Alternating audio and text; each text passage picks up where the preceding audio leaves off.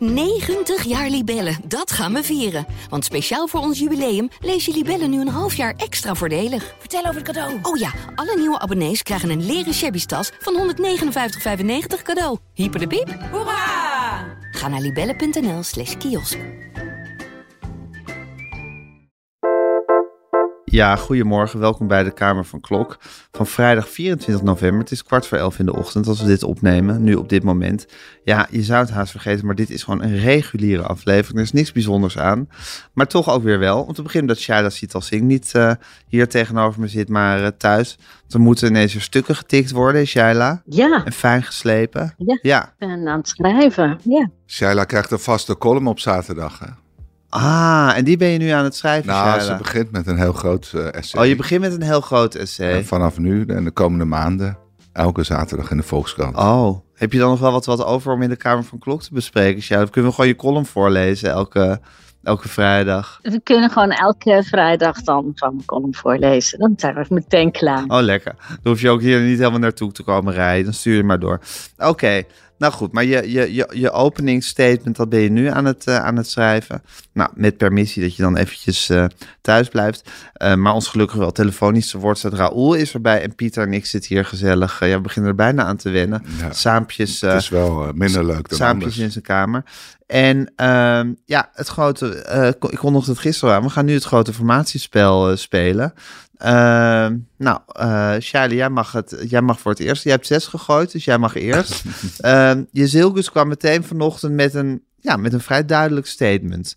Kan je dat even in je eigen woorden samenvatten? Ja, nou ja, ze zei volgens de NOS, ik heb het niet zelf gehoord. Ik heb alleen de berichtgeving van de NOS gezien en wat wij er vervolgens weer uh, over op onze site hebben geplaatst. Maar dat zij um, gezegd zou hebben, ik ga niet, of de VVD gaat niet uh, meedoen in een kabinet.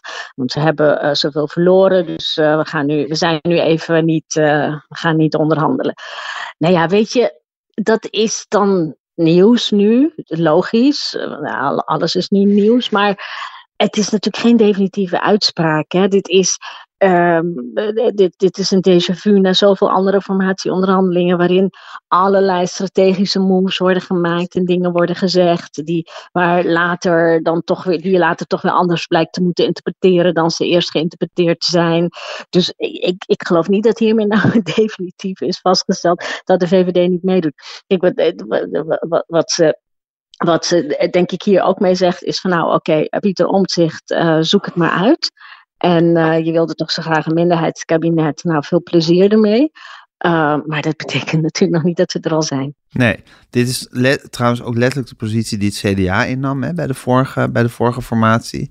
Van we hebben op ons boek gekregen en de kiezer heeft gesproken. Het is duidelijk, ze willen dat we, nou, Jezilkus noemt het nu, een rondje overslaan.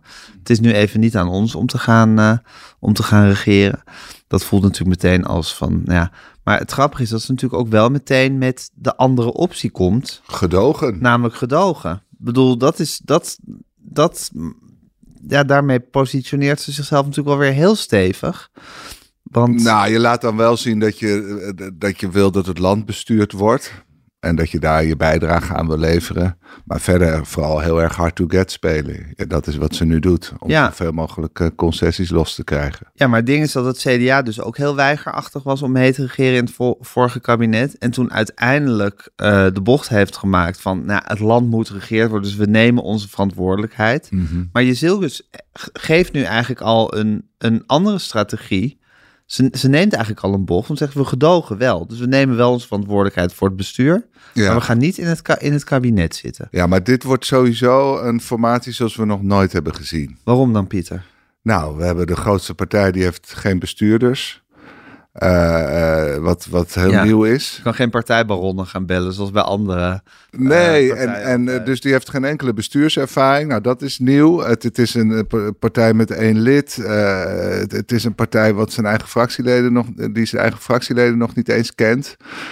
Ja, dus er kan ook van alles gebeuren. Er kan een zakenkabinet dus komen. Er, er, kan een kabinet komen waar misschien uiteindelijk de grootste partij, zoals Chester, zegt van oké, okay, als jullie meedoen, mogen jullie de premier leveren. Alles is mogelijk. En ik denk dat daar nu Jezielkus probeert om een soort tactische moves te maken. om het zoveel mogelijk haar richting in te krijgen. En misschien, uh, weet jij veel, misschien wordt ze uiteindelijk alsnog premier. Uh, dat dat een offer is wat Wilders wil. Ik, alles kan. Ja, Alles kan. Het veld ligt open. Raoul, hoe zag jij die eh, uitspraak van Jezilgus? Nou, de, kijk, de beginfase van de formatie is altijd ieder voor zich. Iedereen is nu gewoon zijn eigen strategische positie aan het bepalen. En de, de PVV, of de VVD heeft natuurlijk wel een paar problemen als ze om heen kijken, iedereen, hè, de, iedereen buiten het Binnenhof zegt, ah, nou, dat is de coalitie, VVD, eh, PVV, NSC, misschien uh, eh, BBB erbij, klaar. Dat is voor de, voor de VVD natuurlijk een vrij onaantrekkelijk vooruitzicht um, uh, als partij die toch ook altijd prat is gegaan op um, dit land moet een beetje fatsoenlijk bestuurd worden. Ik bedoel, dat was toch ook tickets van Mark Rutte, 13 jaar lang, hè? En inderdaad, er zijn nogal wat onzekere factoren bij alle drie die partijen die nog nooit hebben geregeerd. Tegelijkertijd, als de VVD nou zou zeggen, uh, wij doen niet mee, uh, we gaan uh, achterover zitten in de oppositie, dan wordt natuurlijk het verwijt keihard van jullie negeren de verkiezingsuitslag. Oh, en uh, dus dan wordt Wilders weer buitenspel gezet. En daar moet de VVD natuurlijk ook, ook voor oppassen. Want de, ook de volgende verkiezingen zijn ook alweer begonnen. Dit is de eerste dag van de campagne voor de volgende verkiezingen. Zo werkt het gewoon. Dus um, uh, ja, de, en de VVD wil nu natuurlijk niet. Ik bedoel, ze hebben heel veel kiezers verloren aan Wilders. Um, uh, je moet die mensen nou niet indruk gaan geven dat je ook nog um, uh, de, boel gaat lopen frustreren. Dus hier is wel over nagedacht, denk ik. Oké, wij zijn nou niet in de beurt. Maar we willen wel meedenken. Ik zie zelfs dat ze wel aan tafel wil zitten in de formatie om kaders mee te geven aan de formerende partijen. ze, is wel bereid, ze is wel bereid om mee te denken. En ze ontkent echt dat ze het allemaal moeilijker wil maken. Ik wil oprecht niks moeilijker maken, heeft ze net gezegd. Ik wil, ben juist heel constructief. Ik wil een centrum-rechtskabinet vooruit helpen. Uh, centrum-rechtskabinet, dan bedoelt ze dus uh, Omtzigt, Wilders en dan toch Van der Plas erbij, denk ik.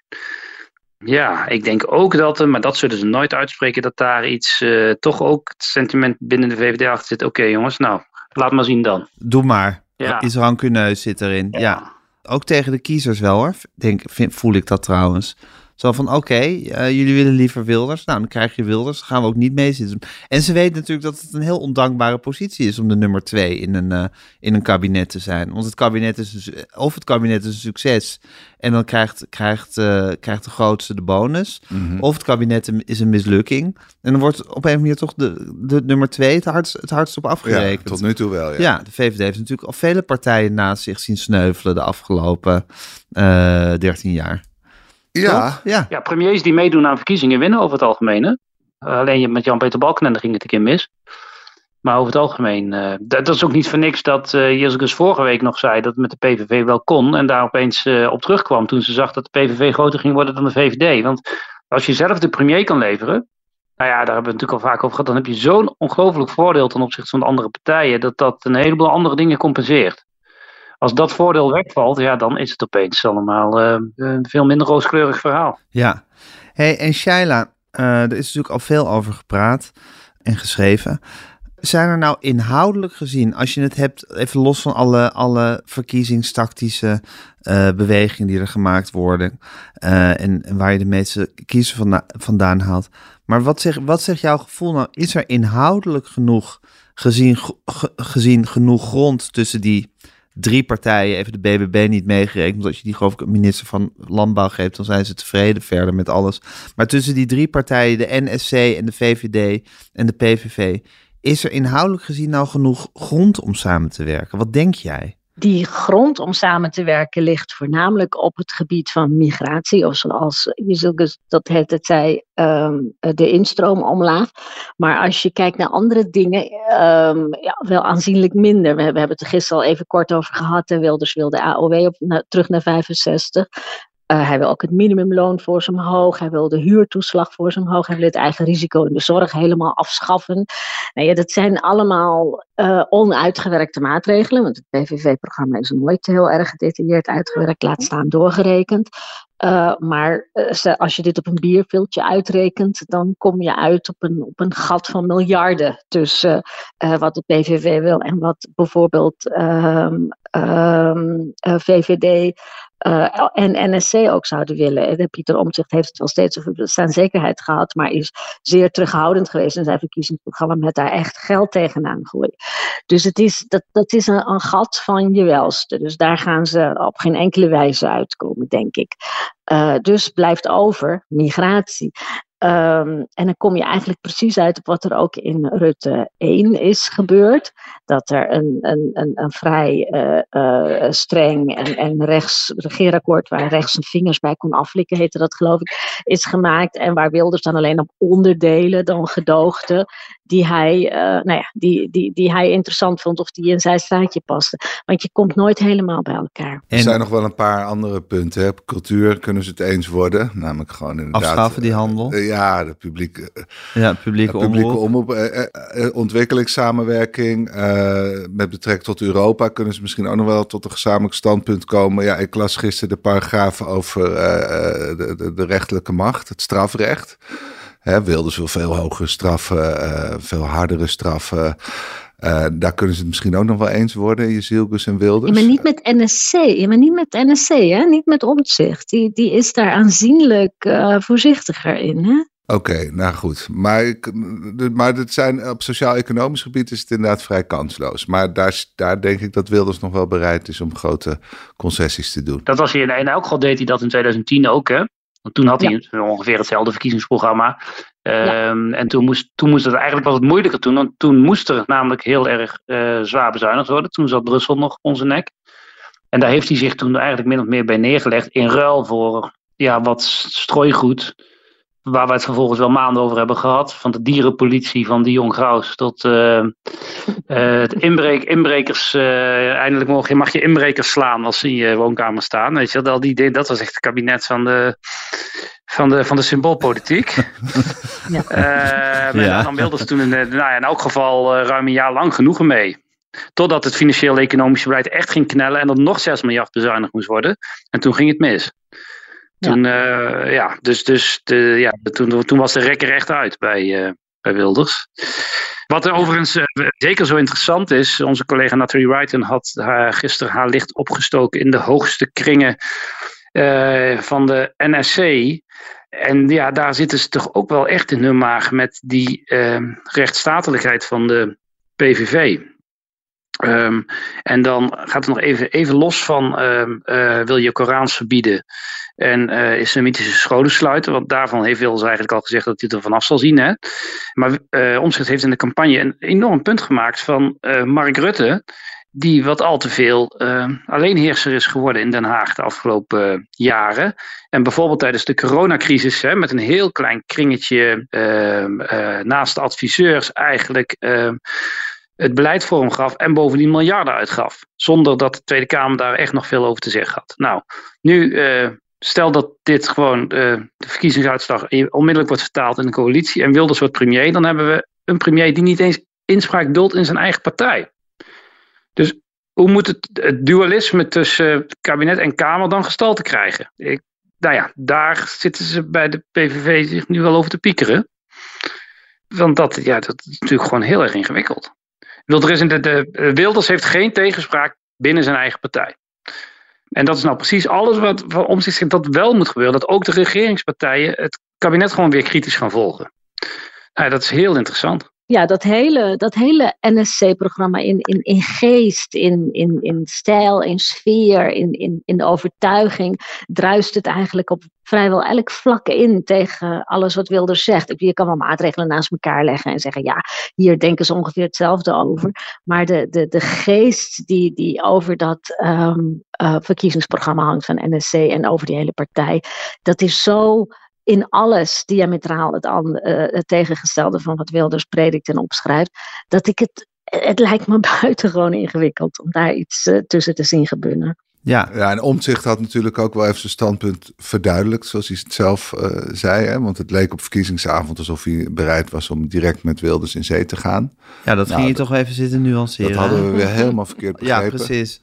Net als die hand die hij eerder gaf. En, en zijn Omtzigt is ook net een voetballer, hè? Zo van Nou, het ik ene denk- zeggen en dan is alles weer verkeerd ja, begrepen. Maar ik denk, ik denk eh, om het voordeel van de twijfel te geven, ik denk dat hij moet wennen hoeveel gewicht zijn woorden hebben. En dus dat alles wat je doet, dat, dat daar betekenis aan wordt maar hij is gegeven. toch politicus, al weet ik veel Ja, hoe maar lang. geen lijsttrekker. En dan, Ja, en dan wordt hallo. het. Nou, oké, goed. Ja. Eh, niet zo handig dan. Nee, Maar eh, ik denk dat hij het vak nog onder de knie probeert. Want dan is hij weer heel verbaasd dat het op een bepaalde manier geïnterpreteerd wordt. En denk je, Ja. ja, maar dit, dit, dit kan je toch bijna hij niet zegt op anders die verkiezingsavond van... eh, we gaan meebesturen en we gaan over onze schaduw heen stappen... en het land moet geregeerd worden en we willen onze plannen door... Ja, dan denk je van, oké, Wilders is de allergrootste, die moet regeren. Ja. En hij, hij zegt hier gewoon van, nou... eh, Ja, dan denk je niet aan het kabinet Timmermans 1, als hij dat Nee. zegt. Nee. nee, Hij, was, eh, hij was in de campagne verbijsterd hè, toen hij eh, met Ron Vrezen eh, een beetje ging zitten speculeren over de coalitiemogelijkheden. En vervolgens iedereen daar een nieuwsbericht van maakte. ja. ja, maar dat is toch ongelooflijk dat je dan zo onnozel bent, Raoul, na, na Ja, 20 maar als, je, jaar in als, de als het politiek. oppositie voeren in je bloed zit, altijd gewoon alleen maar tegenspraak bieden bij anderen, dan ben je misschien totaal niet gewend dat jij in één keer als protagonist wordt gezien en dat, en, en dat jouw woorden zo worden gelezen. Ja, maar ik denk toch, je, je hebt toch in ieder geval, los van wat je eigen rol is geweest, je hebt toch van heel nabij aanschouwd hoe het gaat. Dus je kan dan toch wel een soort vaag besef hebben van dat je welk, welk gewicht je woorden op dat moment zullen hebben. In ieder geval niet steeds zo, zo, zo stom verbaasd zijn. Een beetje zo, zo, Beetje zo, zo ge- geërgerd, geërgerd dat mensen je, je woorden op een bepaalde manier, die volstrekt logisch is, interpreteren. Dat is toch raar? Ja, je kan Shaila? heel moeilijk in, zo'n in zijn hoofd ik dat kijken. ergens steun? Misschien ziet hij dingen niet. Ja. Ja, het is misschien wel een beetje daarmee.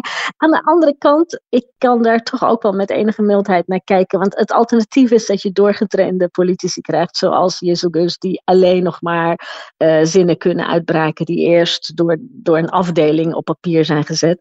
Dus ik, nou ja, ik, ik, ik kijk er ook wel met, eh, met enige sympathie naar. Zeker.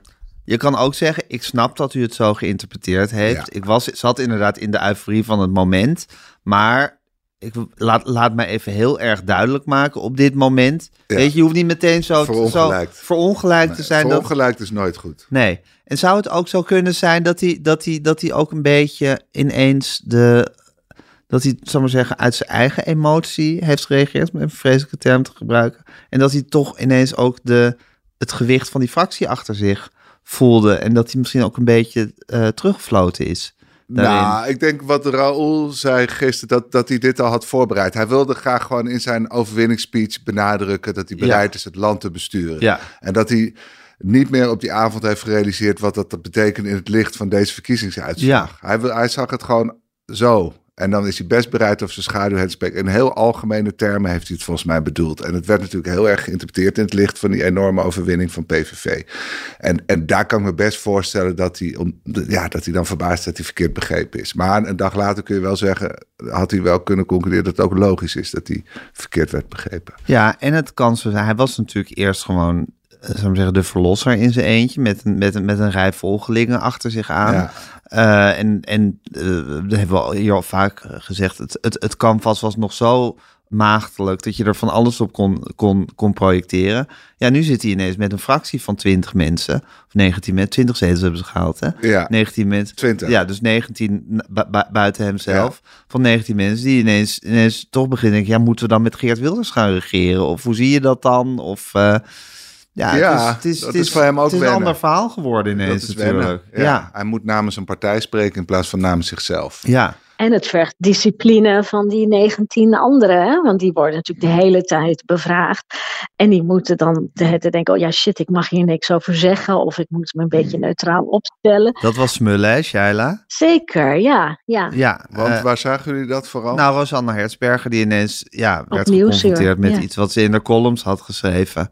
Geloof dat ze Wilders een haatzijnde maloot had genoemd. Ja, de, de, de, de vraag was, schaamt u zich? Schaamt u zich? Schaam ik me? Hoezo? Ja, ze had geschreven dat ze zich zou schamen als hij eh, aan de macht zou komen of, of, of in een machtspositie zou komen. En de vraag was, schaamt u zich? Omdat ze hem een haatzaaiende maloot vond. En, oh ja, dat zijn, die woorden weet ik niet meer. Maar zij zei, ja, ik heb zoveel columns geschreven. Ja, dat weet ik niet meer hoor. Dus ja, En aan de ene kant is dat valide. Dat is natuurlijk een valide punt van haar. Aan de andere kant is het ook wonderlijk om te zien hoe iemand inderdaad van het ene moment op het andere politicus is geworden. en anders praat, toch? Ja, fascinerend. Ja, ja en, en, en, en het moet ook en het vergt enige discipline, maar het is ook wel heel interessant. Ferdinand Grapperhaus, die had, uh, weet je, voordat hij uh, het kabinet inkwam, had hij ook een blog waarop hij uh, commentaar gaf op de actuele politieke situatie. Ja. Daar hebben we toen ook al wekenlang plezier van gehad. bij alles wat hij, wat hij deed. Ja, en hoe, in hoeverre moet je dat iemand nadragen, Raoul? En in hoeverre moet je zeggen, ja, dat schrijf je vanuit een andere hoedanigheid. Dat kan je, dat kan je niet meer zo serieus nemen.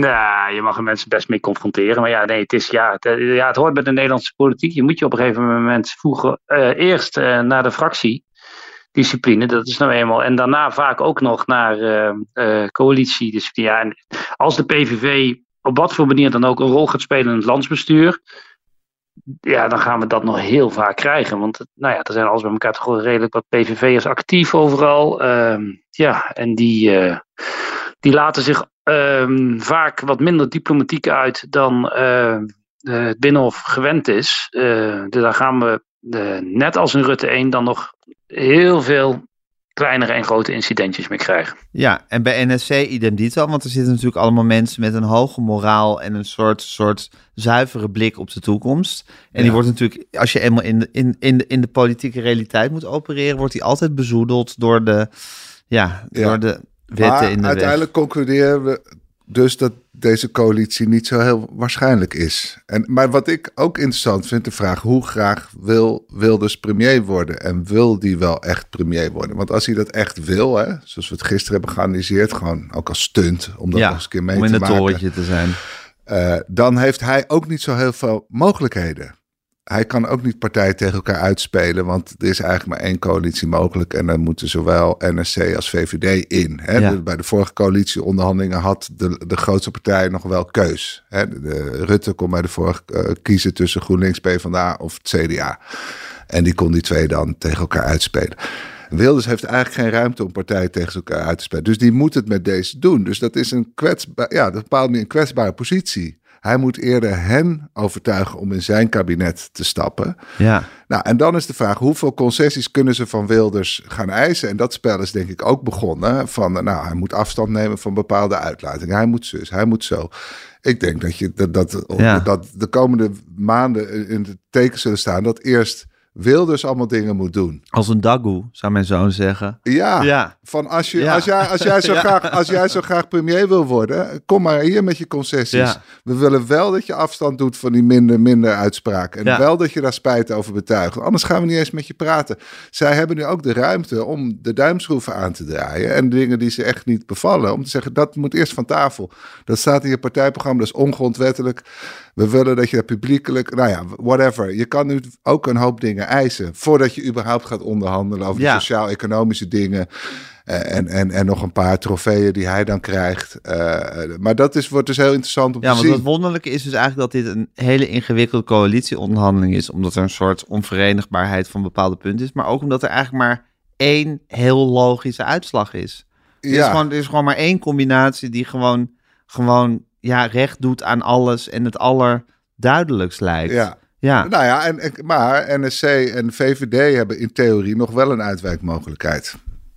Ja, moeten ze wel met... eh, de, Met de Partij van de Arbeid. Ja, die Ja, kunnen ja. naar de PvdA. Ja. Dus zij kunnen, dus dat is de onderhandeling. Dus je hebt, PVV heeft maar één optie en die andere twee hebben eigenlijk nog een andere optie. En het, het zal Ja, behalve dat ingewikkeld ze met z'n drieën geen meerderheid hebben, toch? NSC, VVD en, en Partij van de Arbeid. D66 erbij. D66 erbij. Ja. En dat is natuurlijk voor, vanuit VVD-perspectief een, een horrorcoalitie. Maar het is er wel één waar je, waar je mee kan blijven schermen, omdat ze het wel eens eerder hebben gedaan. Eh, met, met de PvdA, met D66. Dus, dus het, het kan. En als je NSC een soort CDA beschouwt. Dat zullen ze alleen doen als ze kunnen zeggen: wij willen dit ook niet. Maar al het andere hebben we geprobeerd en het blijkt onmogelijk. Eh, er zit even niks anders op. Eh, ja, maar ze hebben dit scenario wel achter de hand, denk De ik. VVD heeft alleen maar horroropties, hè, eigenlijk. Nou ja, of, of het minderheidskabinet wa- waar Omtzigt al heel lang op hint. Omdat hij natuurlijk al van meet af aan zag dat eh, wat de uitkomst van de verkiezingen ook zijn, het ingewikkeld is om te formeren. En bij een minderheidskabinet heb je natuurlijk veel meer mogelijkheden. Je kan ook nog een minderheidskabinet vormen met de VVD en NSC en dan gedoogsteun op bepaalde onderdelen. En dan kun je voor, voor sommige onderdelen naar D66, PvdA, GroenLinks of andere onderdelen naar de PVV. Dat, kan allemaal. Hè. Volgens mij zei Raoul dat gisteren ook al uh, hier aan tafel. Um, je moet op een hele andere manier gaan nadenken over formeren en over mogelijkheden. Nou, dat is uh, interessant ook. Dat, dat, dat over deze zet van de VVD is echt wel nagedacht hoor. Want ze zetten ook om zich nog voor het blok. Want hij heeft zo uh, vaak gezegd dat een minderheidskabinet en of een zakenkabinet een goede optie is. Dat hij nou niet zo kan zeggen van uh, nee, dat vinden we een heel slecht idee van de VVD. Ik denk alleen dat hij zichzelf meer in die gedoogrol zag en niet de VVD toen hij het erover had. Dus uh, uh, ja, uh, de, de, VVD speelt dat spelletje denk ik vandaag wel handig. Het is ook wel interessant wat Wilders daar dan weer van gaat zeggen. En Wilders kan het ze heel moeilijk maken door zich op te blijven stellen zoals hij heeft gedaan de afgelopen weken. Want als hij gewoon zegt, nou met mij valt over alles te praten jongens. kom dan maar aan tafel. Ja, dan is het, wordt het natuurlijk heel ingewikkeld voor partijen om te zeggen, nee, maar ja, we zien toch te veel bezwaren. Nou, of dan, dan kunnen ze zeggen van als je dit en dit en dit en dit en dit eerst doet dan komen wij bij jou aan tafel. Ja, maar dan, dan, dan zal hij toch zeggen, ja, niet eerst natuurlijk. Ik wil eerst even weten waar we het over gaan hebben dan. Dus kom nou eerst maar eens praten. Ja, het wordt dus maar dan zegt omzicht, puur rechtsstatelijk gesproken, kunnen we niet praten. Je moet eerst dit, dit, dit en dit doen. Dus dat, ja, dat, dat rechtsstatelijk argument, waar hij natuurlijk heel vaak mee schermt, dat kan hij eh, wel nog heel lang uit gaan spelen. Nou, en dan moeten we ook nog rekening houden met de optie dat Wilders eigenlijk denkt, uh, nou ja, dat regeren, dat wordt mij een beetje te ingewikkeld. Want hij, hij zegt nu dat hij dat heel graag wil. En je kunt je denk ik echt afvragen hoe oprecht dat is. Uh, Wilders kijkt ook om zich heen. Die heeft een fractie vol met mensen die hij waarschijnlijk nauwelijks kent. Hij weet ook wel dat hij uh, weinig uh, bestuurskracht kan inbrengen. over het algemeen gedijt hij zelf het beste in, die, in de Tweede Kamer gewoon. Een rol van, van, van criticaster van alles. Bootse buitenstaander. Ja, ik, daar ben ik oprecht. Ik, ik weet het niet, maar dat vraag ik me echt oprecht af.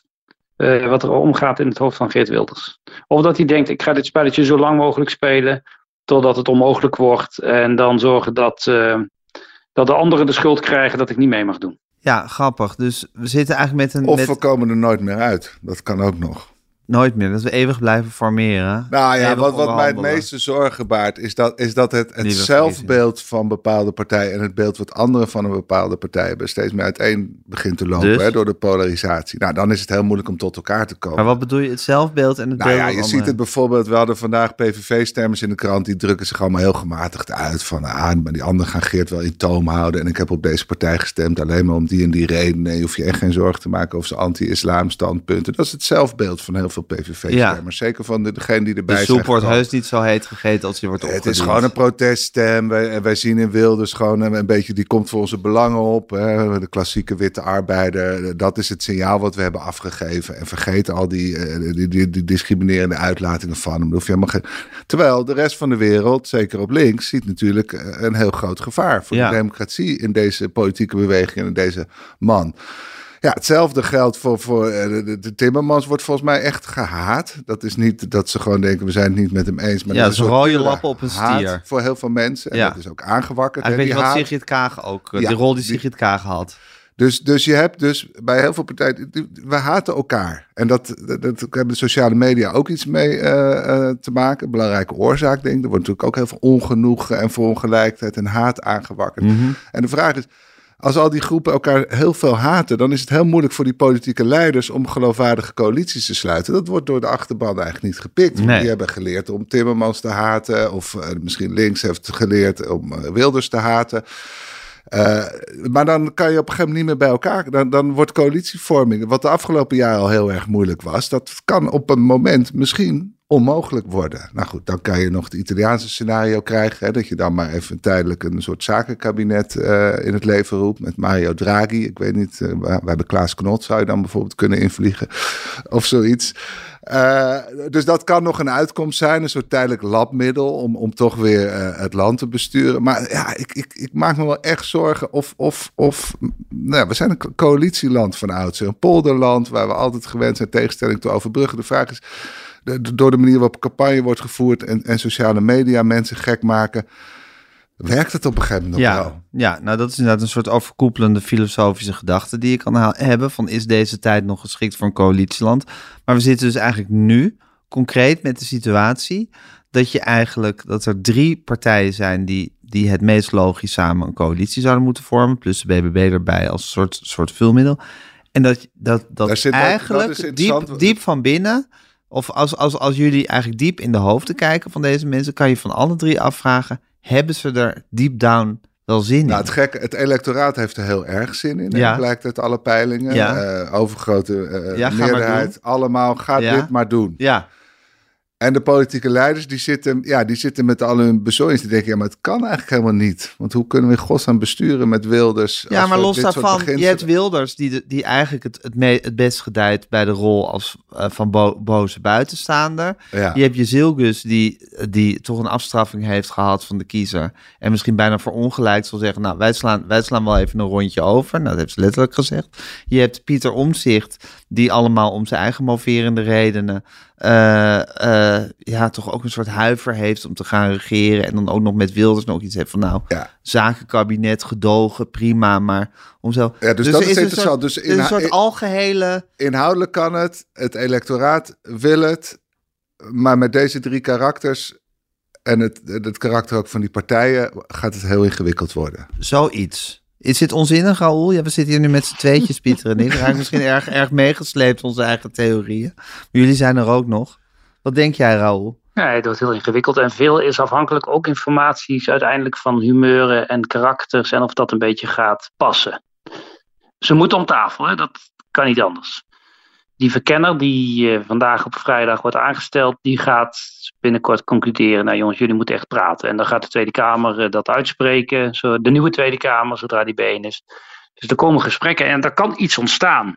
In ehm, eh, ja, Rutte 1 ontstond eigenlijk, daar was ook heel veel weerzin tegen. Nou ja, dat weten jullie allemaal nog. Ehm, eh, toen is er ook eerst een poging gedaan met Job Cohen en Femke Halsema van PvdA en GroenLinks. Totdat er toch tot verbijstering, weten jullie nog, van informateur Ruud Lubbers eigenlijk achter zijn rug om eh, gesprekken op gang kwamen tussen Maxime Verhagen, Mark Rutte en Geert Wilders. En ze elkaar heel erg leuk bleken te vinden. En het heel erg gezellig werd. En de- daar is Rutte 1 ontstaan. Waarna Ruud Lubbers opeens spijt als haar op zijn hoofd kreeg dat hij het überhaupt eh, mogelijk had gemaakt. Zoiets moet toch, nou ja, een heel beroemd voorbeeld, Dries van Acht en Hans Wiegel. Ja. Eh, hoe Hans Wiegel eh, Dries van Acht kwam troosten na zeven maanden vergeefs onderhandelen met Joop den Uyl en Ed van Tijn. Kom maar bij mij, jongen. Kom maar bij mij. Weet je. Wat wil je dan? In welk etablissement is dat ook alweer gebeurd? Hotel de toch? Nee, Nee, de Bistroket. De Bistroket. de niet ja. ja. Nou ja, dat, dus hè, er, moet iets, er moet ook iets op gang komen. Dus eh, als, ja, eh, eh, Wilders en Omzicht kennen elkaar al heel lang.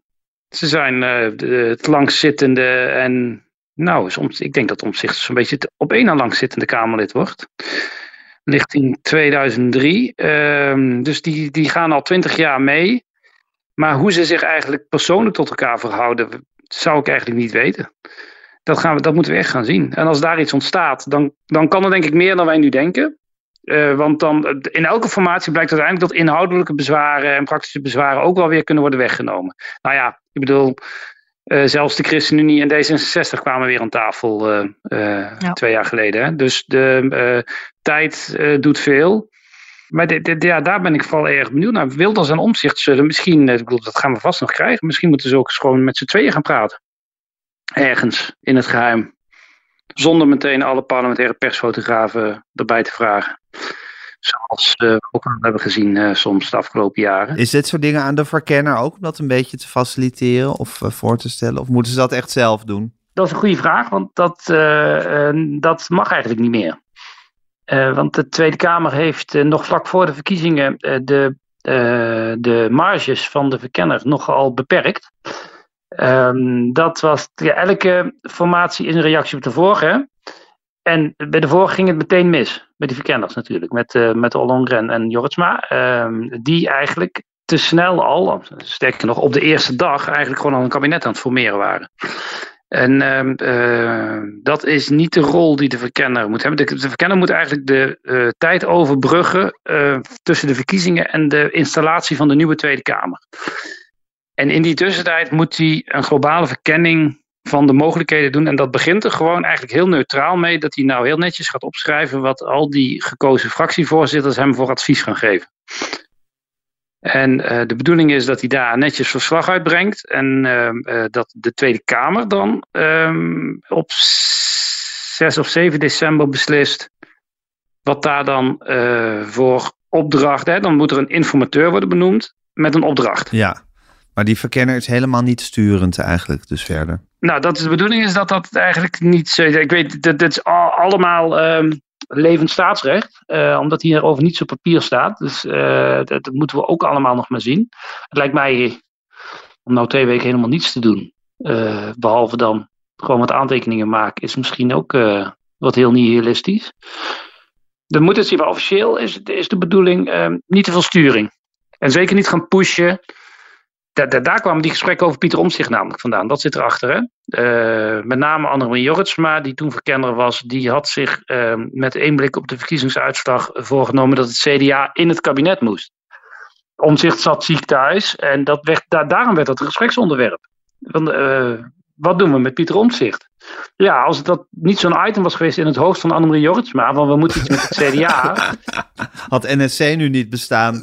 Ja, ja, Hadden we ja, geen verkiezingen gehad. Was Pieter Omtzigt nu nog een trouw uh, uh, CDA-lid geweest? Waarschijnlijk. En dan zat het kabinet gewoon nog misschien wel uh, heel gelukkig en tevreden zijn tijd uit te bijden. Ja. Ja. Nou, dit is toch wel een trauma hoor, op het, op het binnenhoofd, die eerste twee weken van die formatie.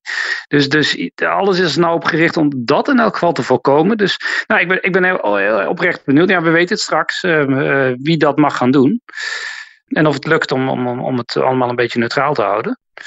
Maar je zou natuurlijk wel kunnen zeggen van gaan jullie eens praten, jongens. Uh, zijn, er zijn veel mensen... Kijk, als iedereen zegt, en dat is waarschijnlijk... Kijk, Timmermans die komt daar natuurlijk en die gaat zeggen... nou, dat moet een rechtskabinet worden. En dat gaat Laurens Das ook zeggen. En, uh, want nou ja, dat, dat, hoort er dan een beetje bij. Uh, zij zijn aan de beurt. Een verkenner kan natuurlijk wel zeggen van jongen, uh, kennen jullie elkaar eigenlijk? En moeten jullie niet gewoon misschien een keer een, keer een hapje gaan eten? En ze kunnen het ook op eigen initiatief doen. Hè? Ik bedoel, niet Zeker. met omzicht of Wilders om nu even elkaar te sms'en van goh, uh, zullen we even ergens uh, op een geheime plek een kop koffie gaan drinken. Ja. Dat mag. Ze mogen contact met elkaar hebben. Ze zitten niet in, uh, weet je dat ook weer, als je in de gevangenis zit? Zitten niet in quarantaine of zo. Ja, nee. van, ja, van, van Mark Rutte en Diederik Samson is bekend. Hè? Die, Mark Rutte en Diederik ja. Samsom hadden elkaar binnen een uur aan de lijn uh, na de verkiezingsuitslag van uh, 2012. Dat, ja, toen was het, uh, de, de, eerste stappen werden meteen gezet. Pieter zit hier echt heel erg te kijken van nou, geloof ja, er niks nee, van. En Pieter wat een Omzicht is natuurlijk de koning van de transparantie. Vindt dat alles transparant moet zijn. En, nou, en dat hij continu niet, rekenschap moet afleggen. Ik vind het geen man van de, om het op die manier deze... Ja, niet, die hele, niet die hele formatie te bedissen, maar wel, je kan toch wel om te beginnen eventjes... Ik vind dat helemaal niet bij zijn karakter passen. Nee? Om een, om een informeel traject... Alles, alles via de procedures moet gaan verlopen. Nou ja, die indruk wekt hij tot nu toe wel. Ik vind het niet iemand die meteen denkt, ik ga eens even informeel bijpraten. Uh, maar goed, we gaan het zien. Het zou wel een effectief middel zijn, dat ben ik met Raoul eens. Mensen, mensen moeten elkaar vinden. Ik bedoel, we hebben het ook vaak gehad over uh, Carole Schouten en, en Wouter Koolmees. Die, eigenlijk, dat was eigenlijk het lijntje tussen D66 en ChristenUnie. Hè, partijen die ja. heel erg uh, ver van elkaar afstonden. Maar zij konden het goed vinden en ze stonden altijd buiten te roken. En daar is iets ontstaan. Dus dat zijn het zijn kleine dingetjes waar het wel van kan afhangen. En daarom zal Pieter Omtzigt op een manier toch aan mee moeten gaan doen hoor. Ja, en Sophie Hermans heeft toen ook zo'n zo'n rol gespeeld. Ja. Die zal toch moeten gaan roken. het lijkt me geen roker. Weet jij of hij rookt, uh, Shaila, Pieter Omtzigt? Omtzigt, ja, ja toch? Hij, hij rookt toch? Ja, volgens mij rookt Omtzigt? Dat is ja, goed nieuws voor de onderhandelingen. Nee, maar laten we dat eerst even checken hoor. Voordat we dit zomaar de eter in dat zou, want Geert Wilders is natuurlijk ook een bekend roker. Hey, maar Caroline van der Plas kan hier misschien ook wel een rol spelen. Die pafte ook de ene na de andere weg. Ja. En dat vind ik een sfeer, sfeerverhogend iemand op haar eigen manier. Die kan je er heel goed bij Ja, hebben. ze heeft het ook over Wilders, dat heeft het over Geert. Dat is ja. sowieso heel erg. En Pieter. Het is, ja, het kan best wel een soort sociaal, so, sociaal smeermiddel tussen deze onverzoenlijke mannen zijn. Dat ze met drieën gaan dineren. Ja, en roken. Ja, ja, dat zijn de drie winnaars van de verkiezing. Is op zich logisch. Ja. Dat, uh, dat zou een goed startschot kunnen roken zijn. Roken en dineren. Ja, nou, het is heel interessant. Uh, het was Matthijs Bouwman die gisteren bij Nieuwsuur memoreerde, maar misschien is het elders ook nog wel gebeurd. Misschien ook wel in de krant. Dat natuurlijk ook alleen het, het uh, verkiezingsprogramma van de VVD is doorgerekend. Dus dat het eigenlijk ook nog die onderhandelingen beginnen ook nog in een soort, in een soort kale vlakte van eigenlijk helemaal niet weten ja, wat maar, alles kost enzovoort. Ja, Toch? Bij Wilders zegt vergeet mijn verkiezingsprogramma, toch? Ja. Dat gaat geen rol spelen in, in de onderhandelingen. Nee. Dus, dus dat- Nee, maar wat dat betreft is het inderdaad een soort, soort... Ja, niks waar ze mee beginnen. Je kan ook niet een beetje gaan uitruilen van... Nou, deze maatregel kost dit en die kost dat. Dus dan mag jij zus en ik zo. Ja, ik denk dat dat wel overkomelijk is. Volgens mij, Omtzigt heeft ook niet heel veel geld uitgegeven in zijn verkiezingsprogramma. Eh, du- dus ik denk dat het sociaal-economisch eh, rechtskabinet zal worden als deze het eens worden. Oké. hey, en Raoul, we zitten nu dus de hele tijd te praten over, over dit kabinet. Al dan niet gedogend of op een zakenachtige manier... wat toch op een of andere manier vorm kan krijgen. Kan, kan het ook nog wat anders worden? Ja, ja, ja, precies. Dat hebben jullie net eh, voorgerekend. Ja, in theorie wel natuurlijk. Je kunt ook gewoon links en D66 erbij pakken. Maar dan, ja, dan, voordat we daar aan toe zijn, zijn we echt vele maanden verder, denk ik hoor. En dan krijg je ook wel weer echt zo'n kabinet van de tegenzin, krijg je dan, hè? Ja, Zo waarvan je denkt van, oh ja, dat is zoiets waar niemand, wat, wat iedereen als een bob, bord, bord havermout naar binnen moet werken. Bos, en- Bos en Balkenende. ja, D66 en de VVD zitten, dit is echt, die zitten echt in een haatrelatie op het moment hoor. Dat, eh, D66 is nog steeds zo boos vanwege de val van het kabinet. Dat is toch in hoge mate hun kabinet. Eh, daar is echt, eh, ja, daar zit wel heel erg veel blokkades nog hoor. Ja, en Frans Timmermans heeft in feite ook gezegd dat hij niet met de VVD, die heeft VVD gewoon een soort van uitgesloten. Want hij vindt, na alles wat er is misgegaan en na hoe, hoe weinig reflecties ze daarop hebben gehad, dan, dan, daar, daar kan je niet mee gaan regeren. Er zit heel weinig liefde tussen die twee, ja. Ja, dat is een En- understatement. Ja, ja en, en dan zal die, de VVD zal dat alleen doen als, hij, als, als er toch een hard migratiebeleid komt. Ja, dat daar kan heeft hij eigenlijk in zijn speech na de, na, de verkiezings, na de verkiezingen liet hij wel duidelijk blijken dat, dat hij daar geen zin meer in heeft. Hij wil Ja. gewoon uitstralen dat wel mensen die vervolgd worden of op de vlucht zijn in principe welkom zijn. Ja, is die twee geluiden die rijmen helemaal niet. Nee. Hey Raoul, jij had nog voor jezelf een soort overzicht gemaakt. eh eens kijkend, even los van de hele formatie en wie met wie gaat en hoe dat allemaal te verenigen is. Hoe, hoe is de Tweede Kamer in de nieuwe samenstelling eigenlijk van mening veranderd? Wat zijn de grote punten waar nu toch grosso modo anders over gedacht zal zijn? Tot welke conclusies kwam je toen? daar ben ik mee bezig. Dat vind ik altijd heel interessant. Want we- schakelen altijd heel snel over met z'n allen naar de formatie. En dat is ook terecht hoor, want de politiek gaat om machtsvorming. Maar eh, we hebben Tweede Kamerverkiezingen gehad. De, nou, onze, onze volksvertegenwoordiging. En die is toch wel behoorlijk van kleur verschoten. Eigenlijk op heel veel onderwerpen. Wat niet allemaal direct ehm, gevolgen zal hebben, maar soms toch ook wel. Het eerste bijvoorbeeld, ehm, wat ik toch wel echt memorabel vind, is dat er een ruim een tweederde meerderheid is ontstaan voor het correctief bindend referendum. En zoals jullie weten, eh, ligt daar een grondwetswijziging die al in eerste lezing door het parlement is gegaan. Die moet nog eh, voor twee derde worden goedgekeurd. En dat gaat dus, ja, het kan bijna niet anders, dat gaat gewoon binnenkort gebeuren. Ik denk dat de SP, eh, dat moet ook namelijk, zo, moet snel worden ingediend na de verkiezingen. De SP heeft hier het initiatief, maar dat gaan ze dus doen. Dus eh, wij gaan, eh, denk ik, gewoon getuigen zijn van de invoering van het referendum. Bijvoorbeeld. Bindend, belangrijk. Correctief Ja, bindend correctief, hè? referendum. Ja, ja, zeker. En in, Ja. want in de Eerste, Eerste Kamer was die tweederde meerderheid er namelijk al, sinds die overwinning van de BBB. Dus het, de, eh, de spanning zat in de tweede en dat is ruimschoots eh, gefixt nu door de kiezers. Dus ehm, nou, dat is nogal wat voor in ons staatsbestel hoor. Dat het eigenlijk wetsvoorstel straks in principe gewoon kan worden voorgelegd aan de kiezers. Er moet nog de precieze voorwaarden over hoeveel handtekeningen je daarvoor eerst moet ophalen en zo. Dat moet er allemaal nader worden ingevuld.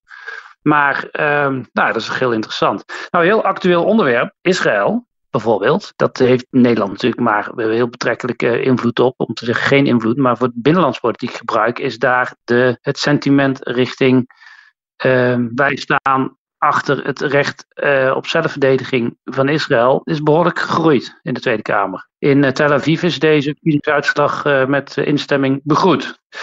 Zullen we maar zeggen. Daar hebben, van de Tweede Kamer hebben ze voorlopig geen last. Daar. Ehm, eh, oh ja, de spreidingswet van Erik van der Burg. Het is heel jammer voor Van der Burg, maar eh, volstrekt kansloos geworden. Dat, eh, die ligt er nog, en dat, maar dat, nee, dat, eh, dat wordt hem niet. Pensioenstelsel.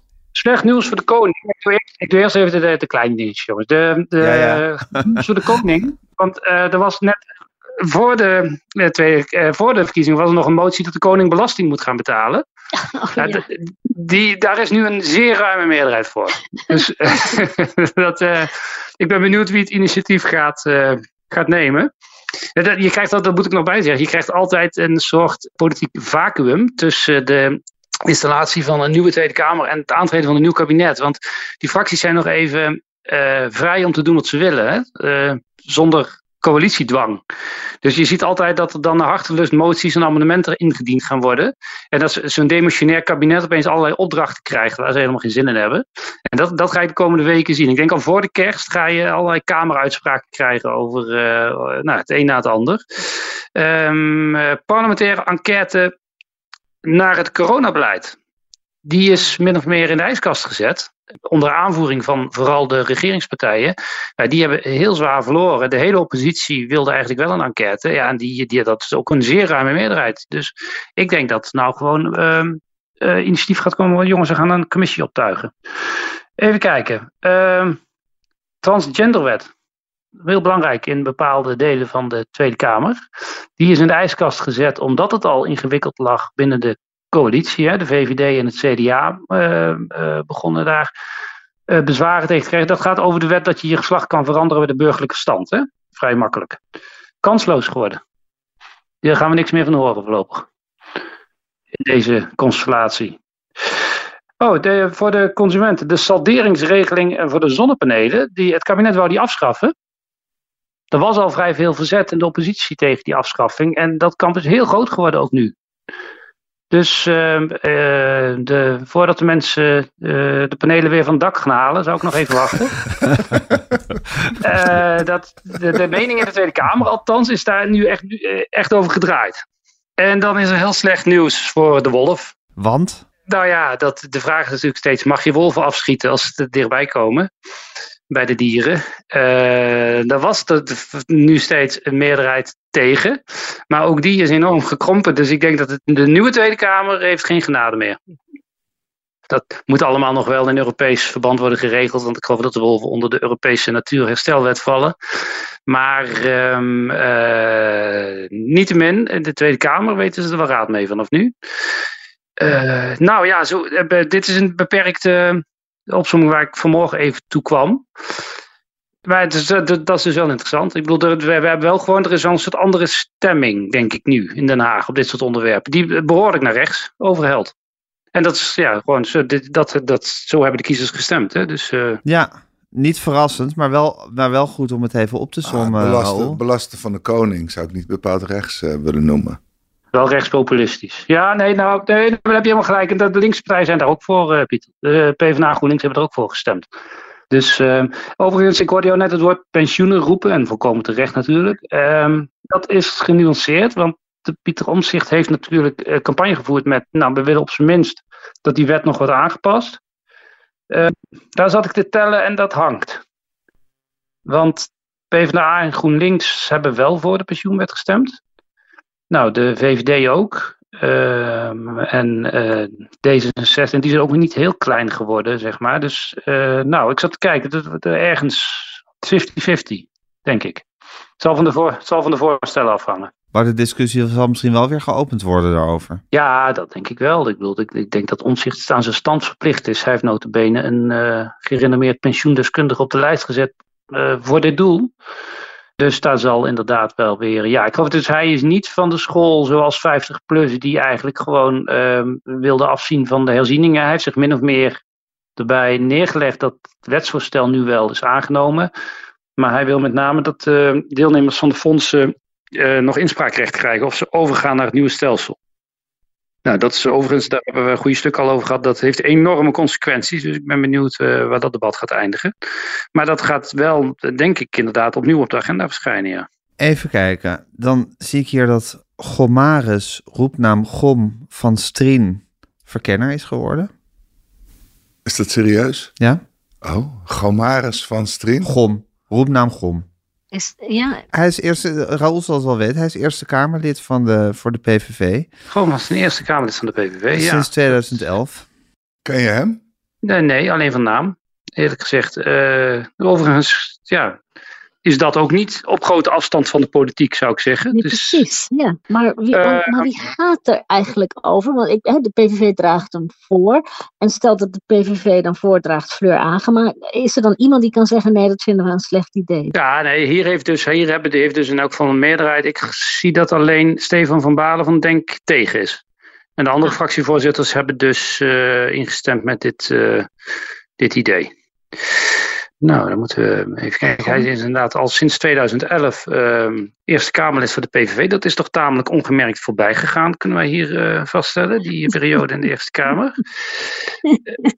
Ja, Ehm, dus, hij staat wel op afstand. Dat, dat, dat pleit weer voor die afstand. Ja, ja maar hij Ja. is, eh, hiervoor was hij onder meer eh, adviseur van het Trekhaakcentrum Het is een Limburger.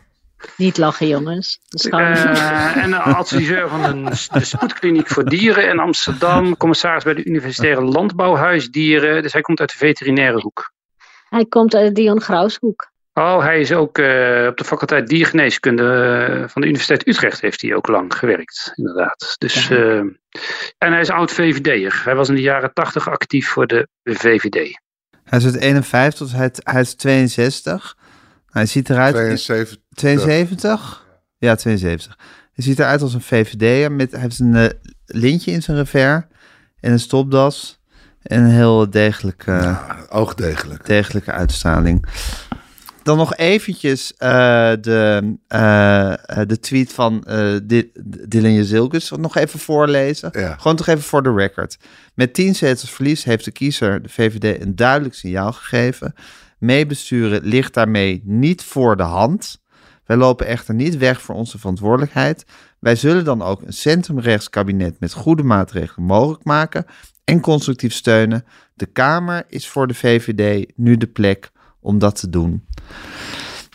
Is Ja, het nou, is het nou een verklaring? Ja, er zit nog wel ruimte in die verklaring. Ja, Het is, het is voor heel veel uitleg vatbaar hoor. Je kun je echt werkelijk elke kant mee op. Oké, oké. Dus dit, dit is alleen nog maar inderdaad een, een tactische zet, maar helemaal niks definitiefs. Gon van was directeur van de faculteit diergeneeskunde, jongens. Dus dat is Oh. geen kleine jongen. nee.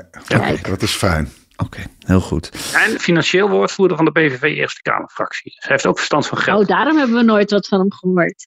Ja, dat, is, nou, dat gebeurt wel vaak. Financiële woordvoerders hebben wel ne- vaak de neiging om wat onzichtbaar te blijven. Nou ja, goed. Het is een keuze. hey, ehm, begin, begin nu voor jou het grote bij deuren wachten, Raoul. Of daar heb je waarschijnlijk je mensen voor die dat de hele tijd doen. maar nu krijg je de hele tijd van er gebeuren dingen in kamers en daar, moet, moet, er moeten parlementair verslaggevers bij de deur van wachten tot er iemand naar buiten komt, toch? Nee, nou, er, is, er is altijd één periode in de vier jaar dat ik me gelukkig prijs dat wij voor de schrijvende pers werken en niet eh, eh, voor de audiovisuele pers. En dat is in de formatie. Omdat dat lot ons gelukkig van heel eind eh, niet wel bespaard blijft. Ja, ja, jullie hoeven die beelden niet te hebben. Ja, en overigens vind ik dat er veel te wordt gedaan over de collega's van de audiovisuele pers die daar wel staan. Omdat dat nou eenmaal, ik bedoel, dat is niet omdat ze niks anders te doen hebben of verder ondertussen niet hun werk aan het doen zijn. Maar ehm, eh, ja, je wil, iemand moet toch registreren wat die mensen zeggen als ze naar buiten komen. Ik bedoel, de, de, En hoe een gezicht staat. ja, het landsbestuur wordt daar gevormd. Eh, Dat is geen onzin of zo. Weet je wel, mensen, de- Nederland wil toch gewoon weten wat daar nu gebeurt. Ja, we moeten dat toch gewoon registreren. Het voordeel is dat wij van de krant eh, ook gewoon eh, kunnen bellen met de betrokkenen en met hun woordvoerders en hun adviseurs. En om, te, om te zien hoe er vlaggen bij staat. Dus dat maakt het voor ons gewoon iets makkelijker. Ja, precies. Dus jullie zitten gewoon lekker met een kopje koffie op de Haagse redactie, een beetje te gluren of al wat gebeurt. Terwijl jullie arm, arm collega's van de tv en de radio daar met de microfoons eh, klaarstaan. Nou ja, wij hebben, wij hebben de luxe dat we er kunnen zijn. We kunnen, we kunnen ons moment uitkiezen. Je moet er zijn op een bepaalde moment. Dus zeker in de beginfase dan wel. Hè, als het, zeg maar, ook kijk, op het moment dat de deur dicht gaat en er eh, eh, ook wat gezegd, jongens, jullie horen de komende weken niks meer van ons. Dan, eh, dan kunnen we gelukkig ook wel weer wat andere dingen doen. Ja. Maar het groot, het, de, de, de tijd van wachten is nu aangebroken. Het kan heel lang duren, hè, volgens Pieter Omtzigt. Heel lange formatie. Ja, Ja, is dat eigenlijk is dat wel juist om dat zo te zeggen al? Ik bedoel, het is toch ook, er is toch ook gewoon, de, je Nou ja. heeft toch ook baat bij een snelle formatie? Ja, hij doet aan verwachtingsmanagement. Tijdens de campagne heeft hij natuurlijk ook tijd gezegd dat de verandering van het land sowieso heel veel tijd gaat kosten. Eh, ja, Ja. Hij probeert de hele tijd te vertragen. Ja. Oké, we gaan het afwachten. Hoe is eigenlijk jouw, jouw humeur, Shaila, onder deze verkiezingsuitslag? Uh, mijn humeur is uh, stabiel, zoals altijd. Constructief, vrolijk. Komt vast goed. Komt vast goed. Oké, nou, daar houden we ons aan vast. Jongens, uh, heel veel dank. Luisteraars, heel veel dank voor het luisteren. Uh, het is nog een beetje tasten in het duister, hè, waar we naartoe gaan. Uh, ja, meer dan ooit tevoren. Meer dan ooit tevoren misschien wel. Maar misschien wordt er ook wel weer heel veel duidelijk. Ik ben heel benieuwd hoe de vlag er volgende week bij hangt. Waar we dan zijn. Nou goed, dan melden we ons weer hier ter plekke in de Kamer van Klok. tot dan.